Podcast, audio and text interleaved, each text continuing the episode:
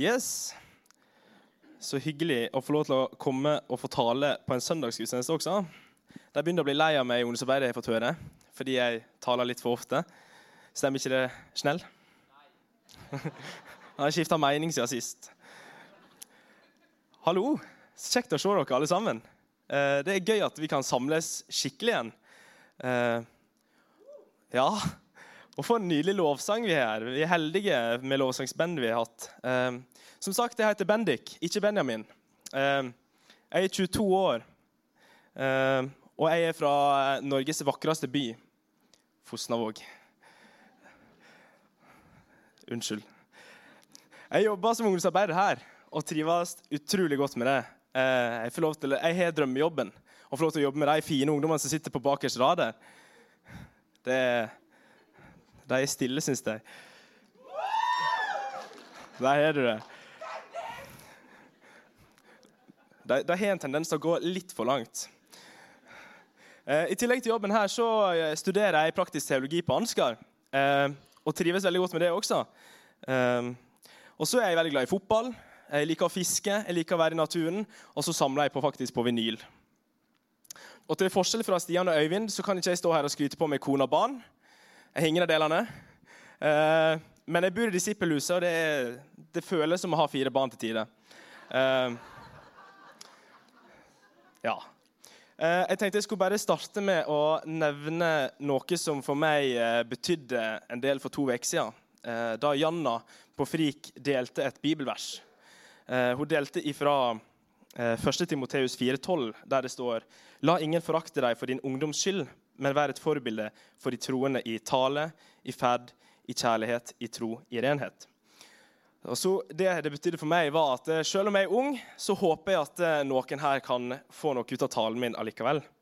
Eh, og så er det lov å nikke og smile litt, så jeg vet at dere henger med. Kanskje et lite amen og halleluja, så er vi der. Og så skal jeg ærlig innrømme at jeg er litt nervøs, så jeg skjelver litt. Sist jeg talte på en gudstjeneste, så bestemte jeg meg for at det skulle jeg aldri gjøre igjen. Men her står jeg. Men vi satser på det går bra. Ja. Jeg trenger ikke applaus. Siden nyttår så har vi holdt på med en taleserie der vi har gått gjennom Hånes Håndens Frikirke sin visjon. Eh, elske Gud, elske mennesket og bevege verden. Og Nå skal vi over til tekstrekken igjen. Og I dag er jeg så heldig at jeg får lov til å tale ut fra en fantastisk tekst. Lukas 9, 28-36. Denne dagen blir kalt Kristi forklarelsesdag. Eh, og Det har vært en veldig spennende tekst å jobbe med. Eh, det her. Det har vært en utfordrende tekst. Det har vært mye å bryne seg på. Det har vært mange timer med lytting til podkaster, lesing, skriving, eh, krangling med meg sjøl. Eh, ja.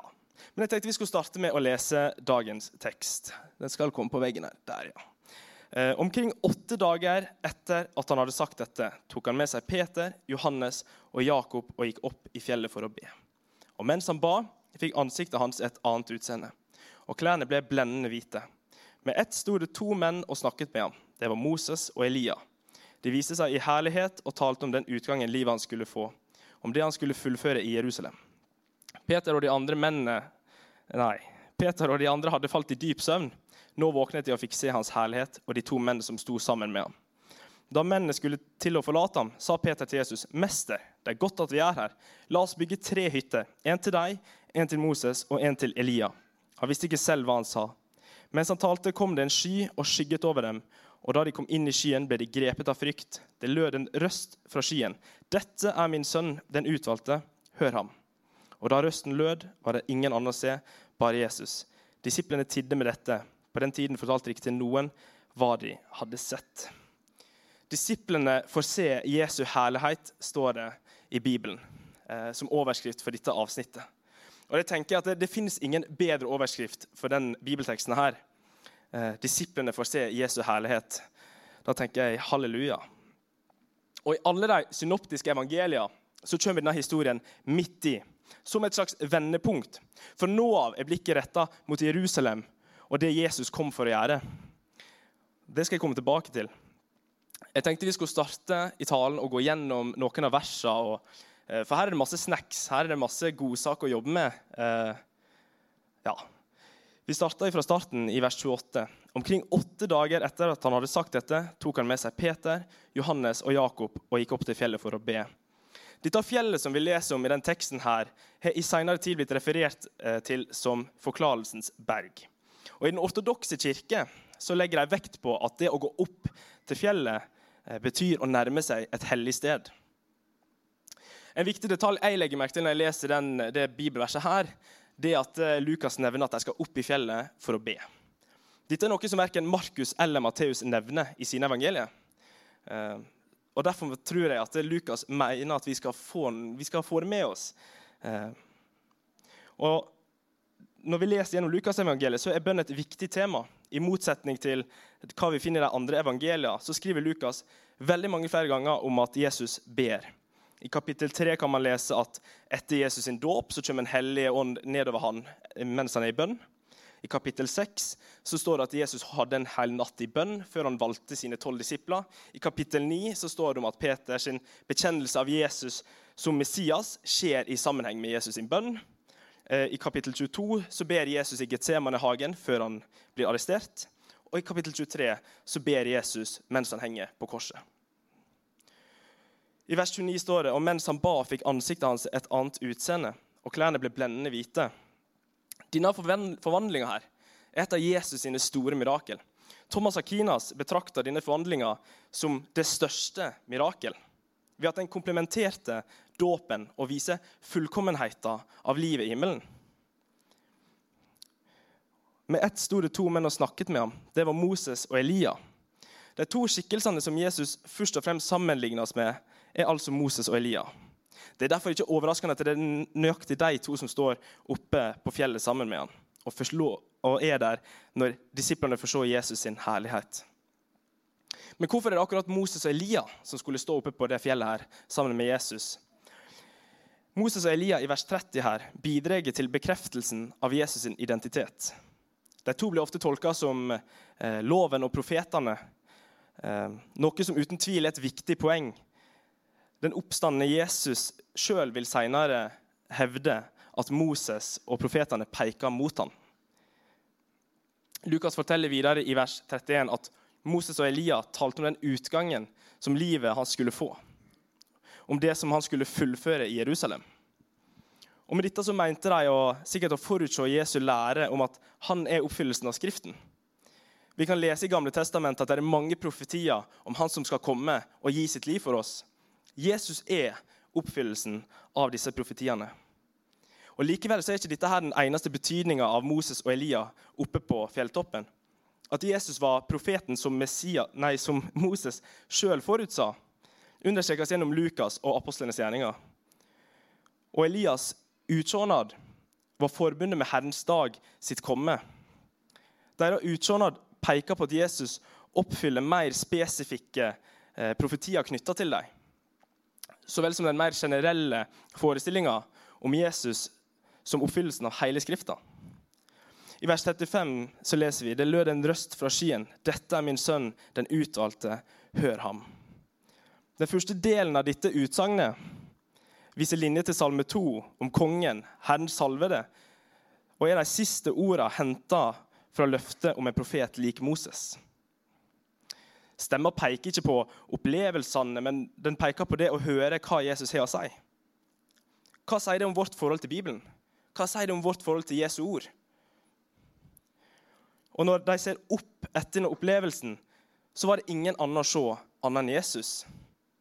Kanskje er fokuset her at vi ikke har fokuset på opplevelsene, men på Jesus.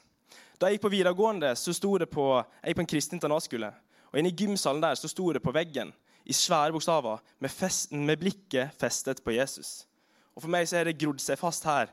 Det å alltid huske på å ha blikket festa på Han som kom og ga livet sitt for meg. Philip Jensi skriver i en av sine bøker for meg har Jesus blitt fokuspunktet i min tro. Mer og mer har jeg lært å holde forstørrelsesglasset i min tro fokusert på Han. I min åndelige reise har jeg lenge dvelt ved utkantene, strevd med problemene omkring Gud og det onde, spørsmål om bønnesvar, konflikten mellom forsyn og frivillige. Når jeg gjør det, blir alt uklart. Å fokusere på Jesus gjenoppretter klarheten. Når vi leser 'Dette er min sønn', den utvalgte, hør ham, så er det den store bekreftelsen av Jesus' sin identitet som kommer med Guds stemme. Det grunnleggende budskapet det gjenspeiler seg med Guds stemme i Jesus' sin dåp.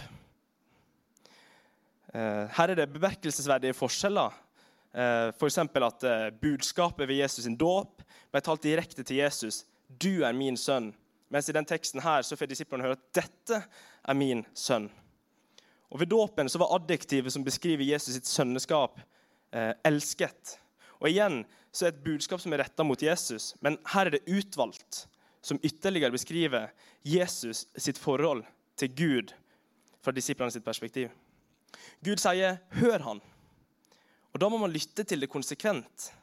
Jesus' sønneskap er ikke et spørsmål om abstrakt teologi, men det krever en lydig respons fra disiplene om Jesus' sitt budskap. Jesus' siste lære la vekt på eh, de kostbare kravene som stilles til de som ønsker å følge han. Vil si å fornekte seg sjøl og ta opp sitt kors. Og Det er vel det primære budskapet som er ment å bli lytta adelig her. Men stemma ved dåpen kom fra himmelen, så kommer den her i teksten fra skyen. Og Det står at disiplene var midt i skyen som sannsynligvis vil tilsi at det var ganske intense opplevelser disiplene fikk oppleve der. Eh, ganske intens opplevelse av Guds nære nærvær inni den skya. Det minner oss også gjennom Moses sin egen opplevelse av Guds nærvær på Sinai-fjellet. Det er den mest formende åpenbaringa av Gud i Israels historie. I siste verset så står det og da røsten lød, var det ingen annen se, bare Jesus.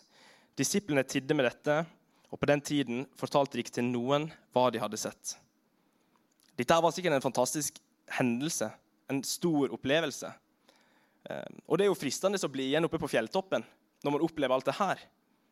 Men Jesus han tar med seg disiplene og går tilbake ned i dalen og tilbake til hverdagen, der sykdom og smerte er det som rår. Jeg tenkte jeg skulle oppsummere den teksten her i noen avsnitt. For det første så er det disiplene Peter, Jakob og Johannes som blir med Jesus opp på fjellet. De er overraska over det de ser. De er glade for å se Jesus herliggjort. Han hadde tidligere snakka om sin forestående lidelse og død. Og Det er jo helt grusomt for disiplene å høre på. Men nå får de i det minste et øyeblikk eh, som er så fantastisk. Jesus er allerede blitt herliggjort, og de er med han. De har lyst til å slå leir sammen med Jesus oppe på fjellet. Og Det er en naturlig reaksjon for dem. Og Her tror jeg vi og disiplene kanskje har noe til felles. Vi søker den indre freden. Og vi prøver alle slags ting for å oppnå den. For det andre så er Moses og Elia til stede sammen med Jesus der. De snakker med han, de kjenner Guds sinn og vilje. Og så snakker de om Jesus sitt kommende exodus, eller utgang, som er ordet som blir brukt i den teksten. her. Eh, det handler om hans kommende død og oppstandelse og som Jesus hadde talt om før han gikk opp på fjellet. Det bekrefter at Guds vilje for han er å gi sitt liv for oss. Guds vei for Jesus kan ikke unngå korset. Dette er kjerna i vår kristne tro. Jesus han er kommet for å åpenbare Gud og forløse menneskeheten. Og Måten Gud har valgt å utføre sin forløsende hensikt, er å sende sin sønn Jesus for å bære alle våre synder på seg sjøl gjennom korset. Og der finner det nye Exodus sted. Er nye begivenheter for forløsning for hele verden. Til slutt i den teksten her så leser vi at det er skyen og stemmen. Gud snakker om Jesus som sin utvalgte, for Jesus han har allerede akseptert sin rolle. Og Dessuten så skal Jesus' sine disipler lytte til ham. Det, det han har sagt om seg sjøl, og det som skal skje, det er Guds vilje. Det han sier om disippelskap, er også til å gi jakt på denne historien. her. All hans lære om kjærlighet til Gud og til våre medmennesker skal overholdes.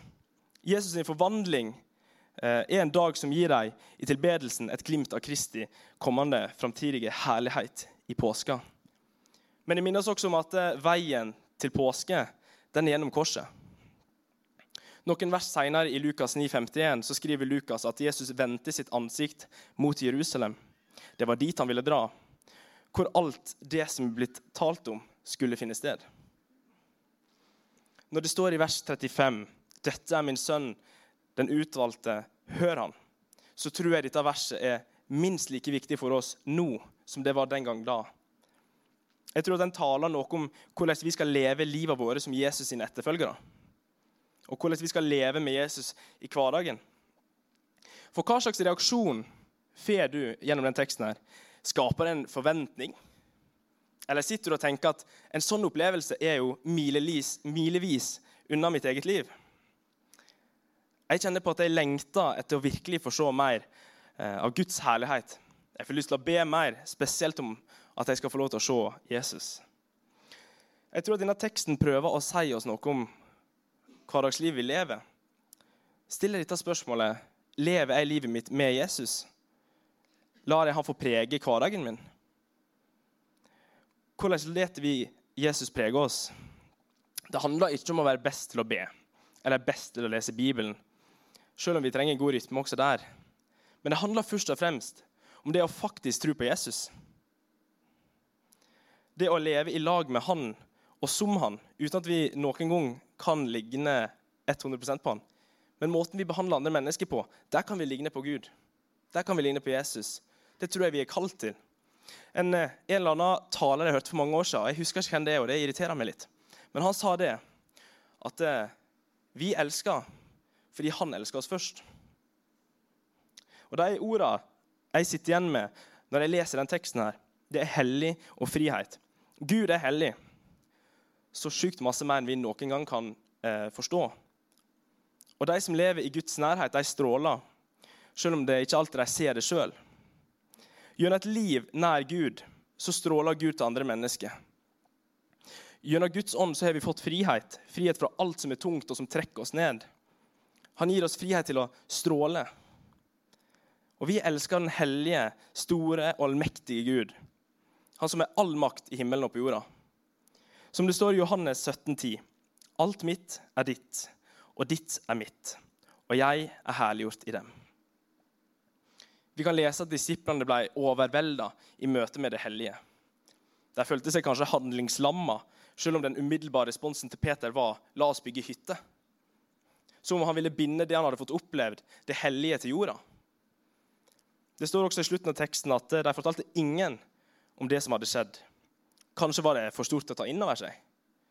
Eller kanskje var det vanskelig å forstå det de hadde opplevd. Og hvordan ville andre forstå det de hadde opplevd? Kanskje ville noen tenke at de hallusinerte eller var høye på et eller annet. Eh, for mange så vil nok denne eh, opplevelsen virke ganske så sjuk og spesiell fordi at man ikke var der sjøl og fikk oppleve det. I 2. Mosebok eh, kapittel 34, vers 33-35 står det Da Moses var ferdig med å tale med dem, la han et slør over ansiktet. Men hver gang han gikk fram for Herrens ansikt for å snakke med ham, tok han sløret bort til han skulle ut igjen. Og når han kom ut, talte han til israelittene om det han hadde fått påbud om. Da så israelittene hvordan det strålte ut av ansiktet hans, og Moses la sløret over ansiktet igjen til han skulle inn og snakke med Herren. Moses han strålte den gangen han kom ned fra fjellet med de ti bud. Da han skjønte at han strålte, så fant han fram et slør som han hadde over ansiktet. Kanskje for at israelittene skulle tro at han alltid smilte eller strålte. I 2. Korinterbrev kapittel 3, vers 12-13 så står det siden vi har et slikt håp, går vi fram med stor frimodighet. Vi gjør ikke som Moses, som la et slør over ansiktet for at ikke Israels folk skulle se at glansen bleknet og tok slutt. Og nå kan lovsangsbandet komme opp. Må bare ha med en sup med vann.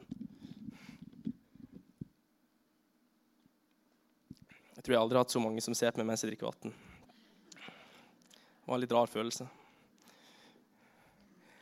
Vi har Jesus, og vi har Den hellige ånd. Og Gud han har gitt oss et nytt håp når vi feiler. Og han reiser oss opp ved kjærlighet og nåde. Vi trenger ikke noe slør for å opprettholde en perfekt illusjon, men vi trenger Jesus. Vi trenger alltid Jesus. En av mine favorittteologer, Billy Graham, han sa «Success in God's eyes is faithfulness to his calling». Suksess i Guds øyne det er trofasthet mot hans kall. Gud har gitt oss håpet ved at han sendte sin sønn til jorda for å gå med korset opp til Golgata for å bli korsfesta. for at han skulle gi sitt liv for oss, så vi skulle slippe å gå igjennom den pininga. Vårt kall i Guds øyne er at vi lever trofast av sitt kall, nemlig det å tro på han. Og når han har sendt sin sønn til jorda for å dø for hver og en av oss, hvorfor skal ikke vi tro på han? Hvis vi ser på Peter Det tok litt tid før Peter ble en martyr. Men han døde for Jesus. Han skjønte hvem han hadde å gjøre med. Han skjønte hvem han hadde reist med og lært av. Og Jesus han gir oss mot og kraft i den dalen, men det gjør han søren meg også i hverdagen. Og vi må oppleve hvem Jesus er. Så Derfor så er min utfordring til alle oss her i dag å lengte etter Jesus hver dag. Og virkelig la han få lov til å prege oss i hverdagen. La oss få lov til å være like mye mandagskristne som vi er søndagskristne. Og ha alltid med troa og håpet på Jesus Kristus, vår redningsmann. La oss be til slutt. Kjære Gud, jeg takker deg for at du sendte din sønn til jorda. For at han skulle vise oss hvor stor og god du er. At vi skulle få forstå hvor mektig du er.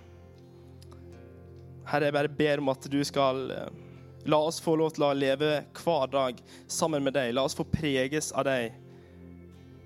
Jeg ber Herre om at du virkelig skal ja, løfte oss opp, så vi kan få bli bedre kjent med deg. Og følge oss hver dag.